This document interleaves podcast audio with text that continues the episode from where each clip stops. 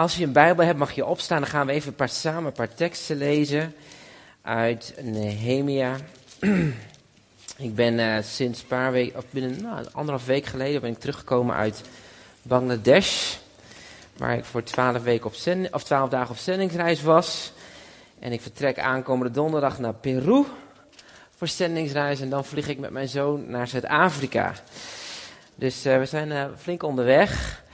En gisteren hadden we een conferentie waar, waar Tamara en ik aan het spreken waren. Dus uh, het is een beetje een hele drukke periode. Maar we zijn blij om in de gemeente te zijn. En uh, super mooi om te horen wat hij hier doet. Ik volg altijd de podcast. Dus ik ben altijd wel op de hoogte wat er gesproken wordt. Ik vind het ontzettend mooi dat we het thema hebben samen bouwen. En uh, daar was ik eigenlijk deze week al heel erg mee bezig, samen bouwen. En ik dacht, ik ga er, ja, daar wil ik over spreken. En tegelijkertijd dacht ik, oh, als ik hierover ga spreken, dan moet ik heel veel dingen aanhalen. Maar ik dacht, ik ga toch een schot voor de boeg nemen vanochtend. Om toch met jullie na te denken over het thema samen bouwen. En, we, als je dan een Bijbel hebt, mag je naar Nehemia hoofdstuk 2. Dan gaan we een paar versen lezen. Nehemia hoofdstuk 2. Een welbekende Bijbelgedeelte wat vaak gebruikt wordt uh, als het gaat om bouwen, over, over gemeente zijn. En dan beginnen we in Nehemia hoofdstuk 2, vers 17. Nehemia die is dan op, uh, naar Jeruzalem toegereisd. Hij heeft gehoord dat de muren van Jeruzalem vervallen waren. En hij heeft een passie van God gekregen om een visie van God gekregen om die poorten en de muren van de stad weer te herbouwen. En er staat in vers 17. Toen zei ik tegen hen, dat zei Nehemia, u ziet de ellende waarin wij verkeren, dat Jeruzalem verwoest ligt en zijn poorten met vuur verbrand zijn. Kom, laten we de muur van Jeruzalem opbouwen, zodat we niet langer een voorwerp van smaad zijn. En ik vertelde hen over de hand van mijn God, die goed over mij was geweest, als ook de woorden van de koning die tot mij gesproken had. En toen zeiden zij, laten we opstaan en gaan bouwen. En zij grepen moed voor het goede werk. Nou, dat is super mooi. De hele gemeente, de gemeenschap, de, het volk Israël, wat daar was, nam moed. En uh, ze zeiden, ze stonden op en ze zeiden, we laten we gaan bouwen. Nou goed, als je dan onderweg gaat, dan komt er ook altijd wel een tegenbeweging. Maar dat kwam in vers 19. Maar Samballat, de Horoniet, en de Tobia, de Ammonitische dienaar, en Gersem, de Arabie, hoorden dit en bespotten en verachten ons. Ze zeiden, wat is dit voor iets wat u wil gaan doen? Wilt u tegen de koning opstand komen? En toen gaf ik een antwoord en zei hen, de God van de hemel, hij zal ons doen slagen. En wij zijn dienaren, wij zullen opstaan en gaan bouwen. Maar u hebt geen deel, geen recht en geen herinnering aan Jeruzalem. Wauw. Een Bijbelgedeelte dat gaat over de opbouw van de stad Jeruzalem. En als we dat als symbool mogen gebruiken, kunnen we dat ook uh, gebruiken als het opbouwen van de muren van je eigen leven. De opbouw van je muren van je gezin, maar ook in de gemeente. En um, God, Gods verlangen is dat die muren, muren zijn een teken van veiligheid, dat we die dingen opbouwen, zodat datgene wat kostbaar is ook veilig is. Ik was in, uh, in, uh, in uh, Bangladesh en daar, ehm, daar werden we wel heel erg geconfronteerd met extreme vormen van armoede. En een van de dorpjes waar wij kwamen was een dorpje waarbij um, er nog nooit een blanke ooit voet had gezet. Het was echt tegen het noord, noordoosten van India aan. En uh, toen we daar binnen liepen, toen, uh, uh, toen werden we warm onthaald door alle mensen. Het was super bijzonder. Maar dat, in het dorp was toch wel een beetje een, een, een, een wat naargeestig iets. En het was een oud missiepost geweest uit 1890. En die hadden geprobeerd daar te evangeliseren. Maar ze kregen geen voet aan de grond. Totdat ze in 2000. Um, zeven ongeveer met Compassion aan de slag zijn gegaan. En daar hebben ze kinderen opgevangen en die kinderen hebben ze onderwezen. Wat het bijzondere was, is dat God die kinderen begon te gebruiken om die ouders te bereiken. Maar wat was nou het geval in het dorp? Dit dorpje kende een enorm groot geboortesterfte. Er waren heel veel babytjes die stierven al in de, moeders, moeder, in de, in de baarmoeder. Um, en, en dat had te maken met het feit dat deze vrouwen, die waren ongeletterd. En zij geloofden dat als je dan een snelle bevalling wilde hebben, dan moest je een mengsel eten van rijst en lijm en andere dingen, waardoor het babytje van binnen als het ware verhongerde en klein gehouden werd. en in heel veel gevallen misvormd werd. Heel veel vrouwen kregen miskramen. En als het babytje dan eenmaal wel geboren was, wat dan vaak ondervoed was, te klein was, misvormd was, de horror gaat dan door, dan werd het in een hutje, waar twee derde van een, van een paar meter hutje was, uh, was van hunzelf, een derde voor hun god. En dan, dan, dan stoken ze het vuur op in een hutje, waardoor de rook in hun hutje kwam. En er werd een babytje gelegd, dan net geboren. En voor tien dagen lang werd het pasgeboren babytje gelegd in de rook van het vuur, van het hout, om de geesten uit de ziel te roken. Nou, je kan nagaan, een tien dagen oud babytje in de dat zouden wij nooit doen. Verschrikkelijk. Dus heel veel kinderen stierven vanwege longklachten, ziektes. En op een gegeven moment, als dat babytje dat overleefde, dan, dan kwam nog het ergste. Dan werden ze gebracht naar een rivier. De rivier was zo zwart als een neet. Alle dieren deden daar hun behoefte in. Alle riolering kwam erop uit. Uh, er werd ook uh, gewassen, noem maar op. En er werd het babytje ondergedompeld, zodat het ziel weer schoon gewassen werd. Nou, als je al een ouder bent, en je bent moeder, en je bent vader, en je, dan weet je dat dit, dit kan gewoon weg niet. Verschrikkelijk. Wat een horror. Wat een heftigheid. En deze vrouwen die daar zeg maar uh, dan uh, uh, hun kinderen verloren, op een gegeven moment begon Compassion daar met een moeder-kind Dus zij hadden besloten om uiteindelijk die vrouwen te helpen in wat hygiëne inhoudt, wat veiligheid inhoudt voor een kind. Hoe je, dus zij gingen samen met de kerk, gingen ze heel voorzichtig die vrouwen en daar de kindertjes, die gingen ze helpen om te ontdekken wat gezondheid was en wat een goede maaltijd was. En we zagen daarin die kleine, uh, want ze zijn nu drie jaar onderweg, zijn er meer dan 60 kinderen gezond ter wereld gekomen. In een plek waar geen hulpartsenpost was, maar gewoon puur door onderwijs en omzien vanuit de kerk die daar actief was. Wat me daar ook zo trof, was dat er was één voorganger. Deze broeder, die was uh, uh, kleine twintig jaar oud toen hij naar die missiepost gestuurd was. En hij kwam in zijn eentje, kwam hij daar. En hij begon, hij zag wat daar aan ellende was in, in dat dorp. En hij begon zichzelf te geven en, en gaf onderwijs. En in, dat, in die tijd dat hij daar zat, heeft hij meer dan 80% van het dorp weten te bereiken met het evangelie. Ongelooflijk. Iemand die de muren herbouwt van zijn stad, van zijn community. Iemand die uitstapte omdat hij gegrepen was door een stuk nood. 80% werd bereikt. Een van onze voorgangers die meekwam, even een grote gemeente in het noorden. Deze jongen die, eh, die ging mee en die was een beetje sceptisch. En die zei van, joh, weet je, ik ben eigenlijk heel erg moe. Ik ben, kapot van alles wat ik aan het doen ben. Uh, ik weet niet hoe ik moet. Waar moet ik heen? Wat moet ik doen? En hij, hij ging naar voren en hij, uh, hij had gezegd van, nou, ik wil eigenlijk mijn gebed dat ik deze reis, dat ik Jezus mag gaan ontmoeten. En uh, toen wij in het dorp aankwamen, waar wij als blanken voor het eerst aankwamen, toen werden wij onthaald door allerlei mensen. En we kregen bloemenkransen om ons heen, er werden bloemetjes over ons heen gegooid. Dat was echt een beetje awkward, weet je, als blanken zo binnengehaald te worden. Maar goed, we kwamen binnen, er kwam een groot binnenplaats en daar zaten allemaal stoelen. Dan moet je je voorstellen, er stond overal een stoel en allemaal van die krukjes. Dus we vonden een beetje vreemd. Maar goed, er waren krukjes en een stoel en wij moesten zitten. En op een gegeven moment komen ze met met een kan water. En al die vrouwen die gekleed waren, trokken onze schoenen uit. En begonnen onze voeten te wassen. Het eerste wat ik dacht was, oh help, heb ik mijn nagels wel geknipt. Maar dat was zo'n raar moment. Er waren gewoon wildvreemde mensen die ik niet kende. Die waren trouwens hindoeïstisch. Die begonnen mijn voeten te wassen. En die jongen, die, die voorganger, die zei tegen mij... Het was heel raar, maar op het moment dat mijn voeten werd gewassen... was net of God tegen ons zei, maar ik was jouw voeten. Ik zie jou. Ik ken jou. En je bent van waarde. En ik wil jou schoonmaken. Hij zei, ik heb Jezus ontmoet op de meest rare plek. God bouwt zijn gemeente in settingen die we niet kenden. En weet je, ik, ik vroeg me wel eens af, als we zondag zouden samenkomen en we zouden niet zo'n geweldige band hebben als vanochtend. En als we, als we niet zo'n geweldige sprekers zouden hebben, wat we de afgelopen jaren hebben, zouden we dan onze preken nog herinneren die gegeven zijn op zondag? Zouden we nog eens vol overgave God aanbidden als er geen muziek was? Ik vroeg me af, wat als God nou werkelijk de, de zeggenschap zou krijgen in onze kerken in Nederland, hier in ons leven in Zutphen en Almelo, als hij echt de zeggenschap zou, zou dan de kerken uitzien zoals het er nu uitziet? Zouden we werkelijk leven zoals God wil dat we leven en bewegen? Want die kerk die ik daar tegenkwam in Bangladesh was, was verre van perfect. Ze speelden met een trekharmonica, dat ding was zo vals als een neet.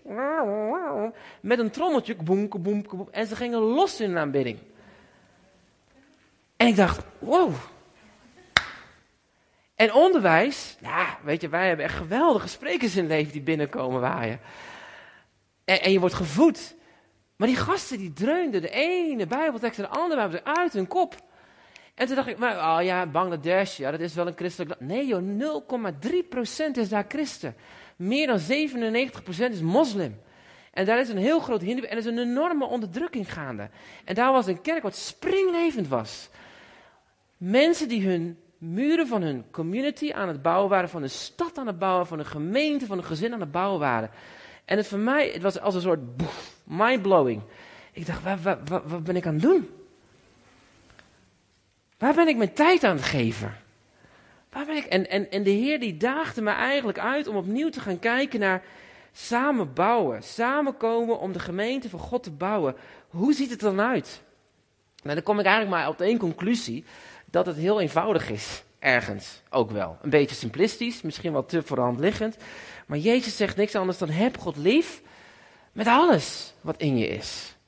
En je naaste als jezelf. Nou, dat laatste, naaste als mezelf, vind ik soms wel lastig, want dan moet je zelf ook een beetje lief hebben. Dat, dat, discussie hebben we vaker al eens gehad. Maar, maar, maar, maar met, met de eenvoud van die tekst, heb God lief en je naaste als jezelf. En ik zag daar in Bangladesh een kerk, en niet op één plek, hoor, we waren op heel veel plekken waren we. En ik zag dat terug in de grimmigheid van wat er allemaal was, in het gebrek en de, de, de ellende die er was, zag ik een blijdschap een eenvoud, een vreugde, een geestelijk volwassenheid. Dat ik dacht, oh Heer, help mij. Leer mij. Help mij. Wat ben ik toch soms een klein kind. Zij hebben niks en toch zijn ze rijk. Ik ben rijk en af en toe heb ik gewoon niks.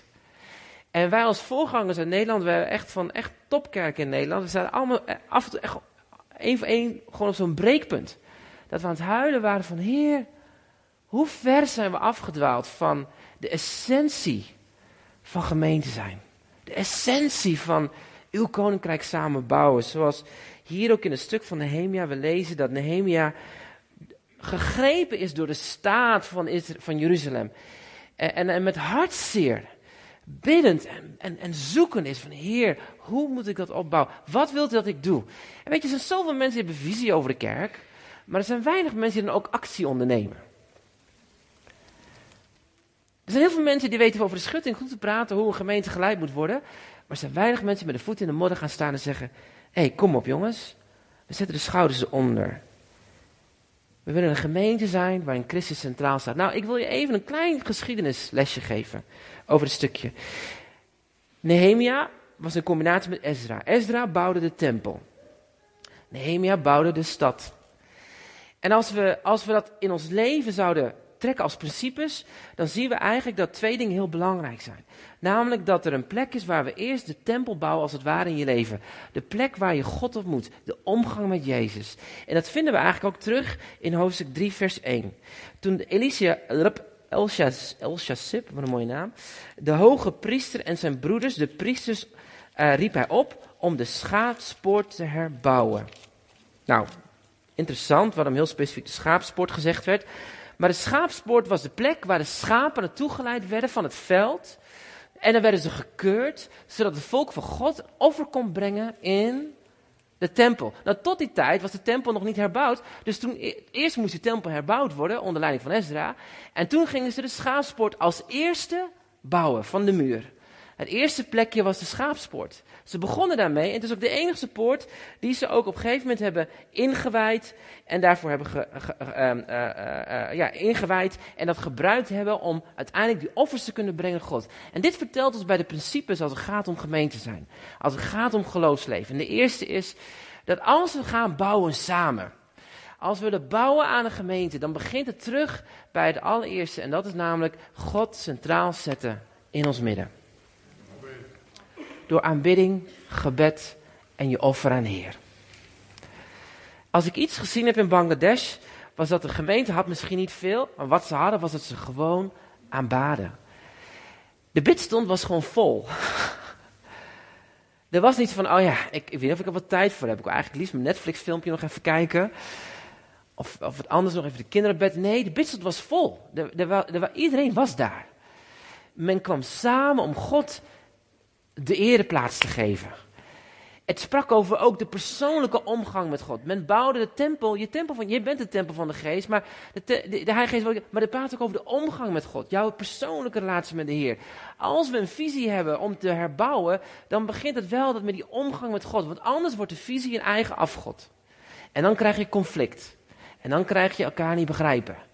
Dus als we God centraal zetten, dan krijgen we ook dat alle neuzen in dezelfde richting gaan. En dan kan je ook samen bouwen als gemeente. De schaapspoort was de plek waar die schapen werden, werden uitgekozen als offer naar de Heer, het beste, de eerstelingen. Een interessante gedachte. Als we samenkomen, komen we dan samen om het beste aan de Heer te geven. Om te komen, om Hem te aanbidden met heel zwart. We zelf ons leven leggen als een levend offer, zegt Romeinen 12, aan de Heer. Ik weet niet of ik zo binnenkom bij een kerk, to be honest. Vaak kom ik de kerk binnen met, hm, ik hoop dat er een goede band is en dat ik wat kan ontvangen. En dan kan ik weer naar huis. Maar hun, mindset, ook in de, in de, was dat ze kwamen bij de poort om iets te geven aan de Heer. Als je praat over aanbiddingen, brengen van een offer. En het tweede wat we zien is dat toen ze op een gegeven moment de eerste poort hadden gebouwd, en dan, dan lezen we een paar stukjes. Daarnaast waren de mannen van Jericho aan het bouwen. En daarnaast bouwde Zakku, de zoon van Imri. De vispoort bouwde de nakomeling van Sanai. Ze maakten er zolderingen van in plaats van de deur ervan, met sluitbalken. Daarnaast verrichtte Miremot, de zoon van Uria. En zo gaat het hele lijstje door. Daarnaast verrichtten de inwoners van Tekoa herstelwerk. Daarnaast Continu zie je de context daarnaast en verderop in hetzelfde hoofdstuk lees je voor een huis, achter een huis. Ook zoiets raars. Voor een huis, achter een huis. En wat spreekt dat over? Het spreekt over dat bouwen in Gods koninkrijk begint bij God de eerste plek geven, maar dan begint het ook in je eigen thuis.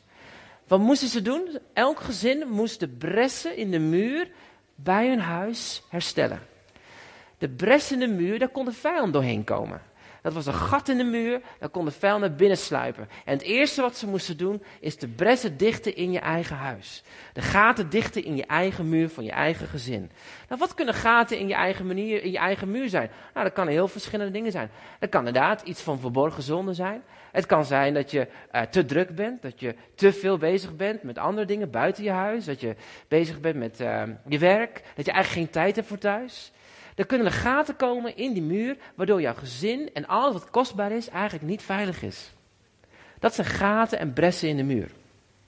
En God wil dat we die gaten en bressen in de muur als eerste herbouwen op de plek waar we zijn. En dat is je eigen huis. Want geloven begint thuis. Als wij samenkomen, je begint natuurlijk bij je relatie met de Heer, maar dan de eerste plek waar het zich uit is jouw gezin. Is je eigen gezin. We kunnen nog zo geweldige geestelijke ervaring hebben hier, maar als het geloof niet thuis werkt, dan heeft het geen context, dan heeft het geen substantie. God wil dat geloof werkt in ons huis. Maar weet je wat zo interessant was? In Bangladesh zagen wij dat heel veel kinderen die in onze Compassion project kwamen, die kwamen uit Hindoe of Moslim achtergronden. En ze ontmoetten daar Jezus tijdens dat project.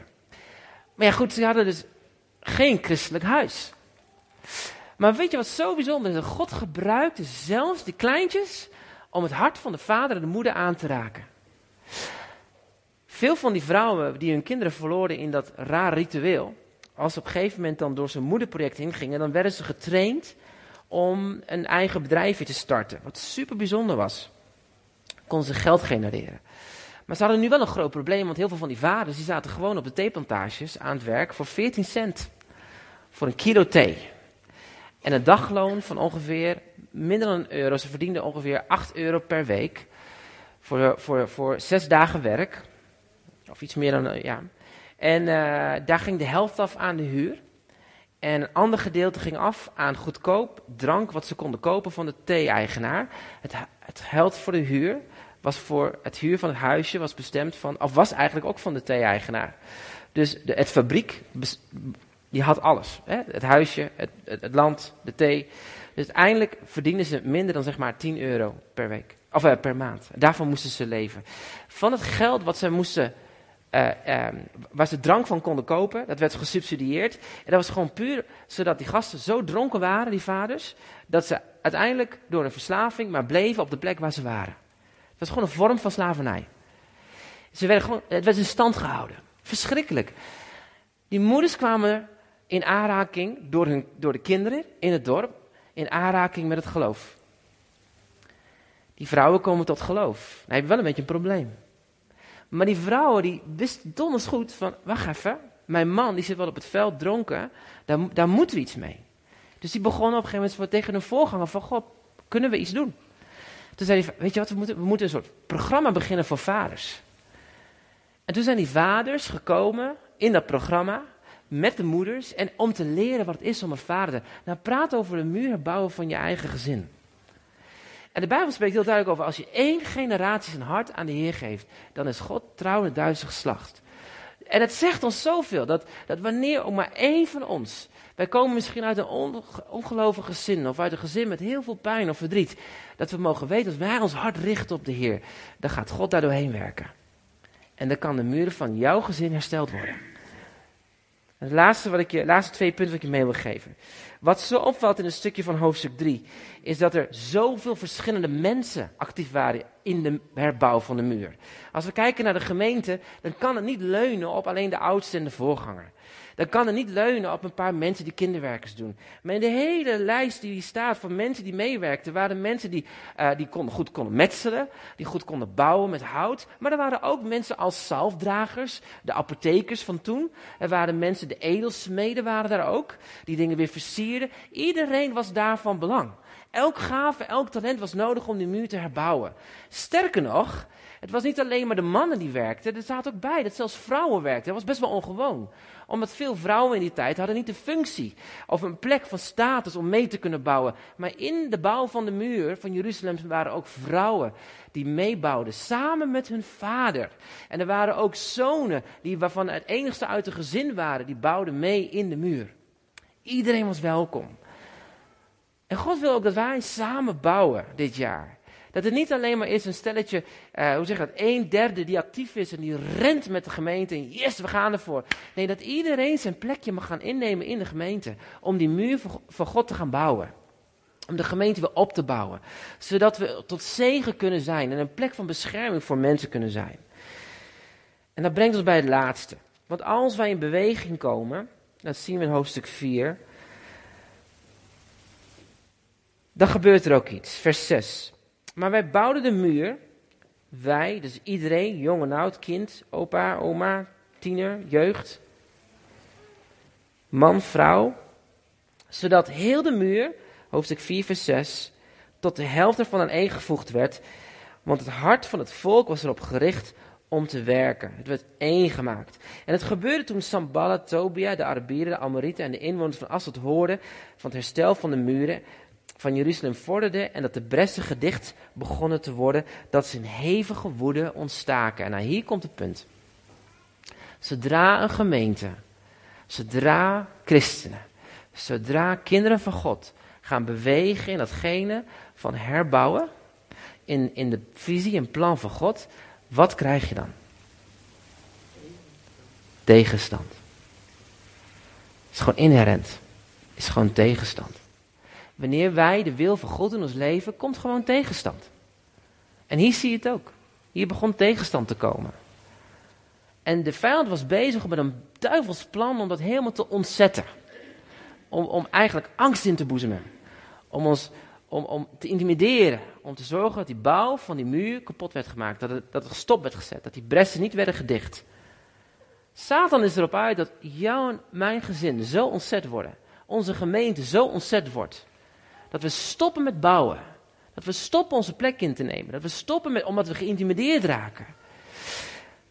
En weet je wat nou zo interessant is? En dit vond ik zo bijzonder. En dan kom je terug bij de kracht. Wat ik zag van de gemeente in eenvoud. De gemeente in Bangladesh had ook die druk. Wij, wij stonden op een gegeven moment een paar blanke mensen en ik een paar van die grenswachters komen er aanlopen met van die AK-74, omdat ze gehoord hadden. Dat waren Indiaanse grenswachters, dat wij in Bangladesh als blanken daar rondliepen. Om te kijken wat we aan het doen waren. Intimiderend. Eng. Maar hier zien we ook in de Bijbel dat, dat, dat toen Nehemia aan het bouwen was, toen de muur werd gebouwd, de vijand kwam. De vijand was bezig aan pulken. De vijand was bezig aan het ontzetten. En dan staat erbij. Daarna gebeurde het toen onze vijanden hoorden dat hun plan aan ons bekend was geworden en God hun plan had verijdeld, dat wij allen terugkeerden naar de muur, ieder naar zijn werk. Ze gingen terug naar hun werk, ze gingen niet stoppen. Vanaf die dag was het zo dat de ene helft van de knechten met het werk meedeed en de andere helft de speren en de schilden, de bogen en de harnassen vasthield. Terwijl de vorsten op, opgesteld stonden achter heel het huis van Juda. Zij die aan de muur bouwden, zij die de lasten droegen en zij die opladen, deden met één hand het werk en met de andere hand hielpen ze de werfspies vast. De bouwers hadden elk zijn zwaard aan de heup, omgord, terwijl ze aan het bouwen waren. Maar de bezuinblazer bleef altijd bij mij. Hier zie je iets heel bijzonders. Het volk van God stopte niet met bouwen, maar ze gingen verder met bouwen, maar ze bewapenden zichzelf. Nou, even een vraagje. Hoe bewapenen wij onszelf als christenen? Wat moeten we dan aantrekken? De wapenrusting. Efeze hoofdstuk 6. U gaat door voor de koelkast. Yes. Wat, wat, wat staat daar aan het eind in, die, in het hele Efeze hoofdstuk 6?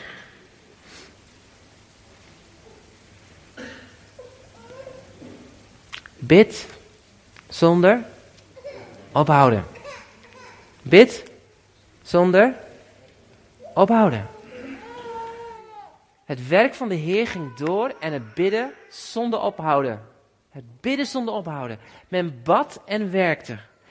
En weet je, als we de muren willen bouwen in onze gemeente, in onze gezinnen, in onze families, dan heb je twee dingen nodig. Ja, je hebt actie nodig en ja, je hebt dat gebed nodig. Ja, je hebt intimiteit nodig met de Heer en ja, je hebt ook gewoon doeners nodig. En beide zijn belangrijk. In je gezin, je kan niet alleen maar goede dingen plannen, je moet er ook voor bidden. En andersom ook. Je kan niet alleen maar lopen bidden dat dingen gaan veranderen, je moet ook gewoon gaan veranderen. En het is ook zo, als wij willen groeien als gemeente en samen bouwen, zullen we moeten bidden en moeten werken.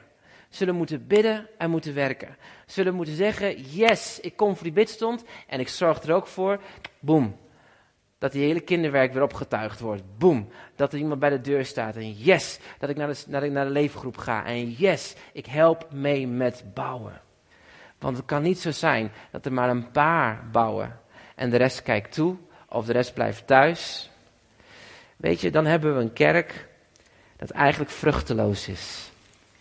Dan hebben we een programmakerk. Dan hebben we een kerk wat zich richt op consumeren. Maar God wil niet een kerk dat zich consumeert. Nee, God wil een kerk dat dient. Want Jezus liet dat voorbeeld achter aan zijn discipelen. Als je van mij houdt, doe dan even zo zoals ik. En hij pakte de bak met water en een handdoek en hij waste de voeten van zijn discipelen. God wil dat we samen bouwen. Elkaar dienen. En waar begint het dan bij? In die eenvoud. In gebed. In ondersteuning. En je moet denken aan een stukje wat er staat in Handelingen 2:47. Die eenvoud, dat is eigenlijk ook het karakter van Jezus. Dat is ook wel als het ware de, de manier van Jezus.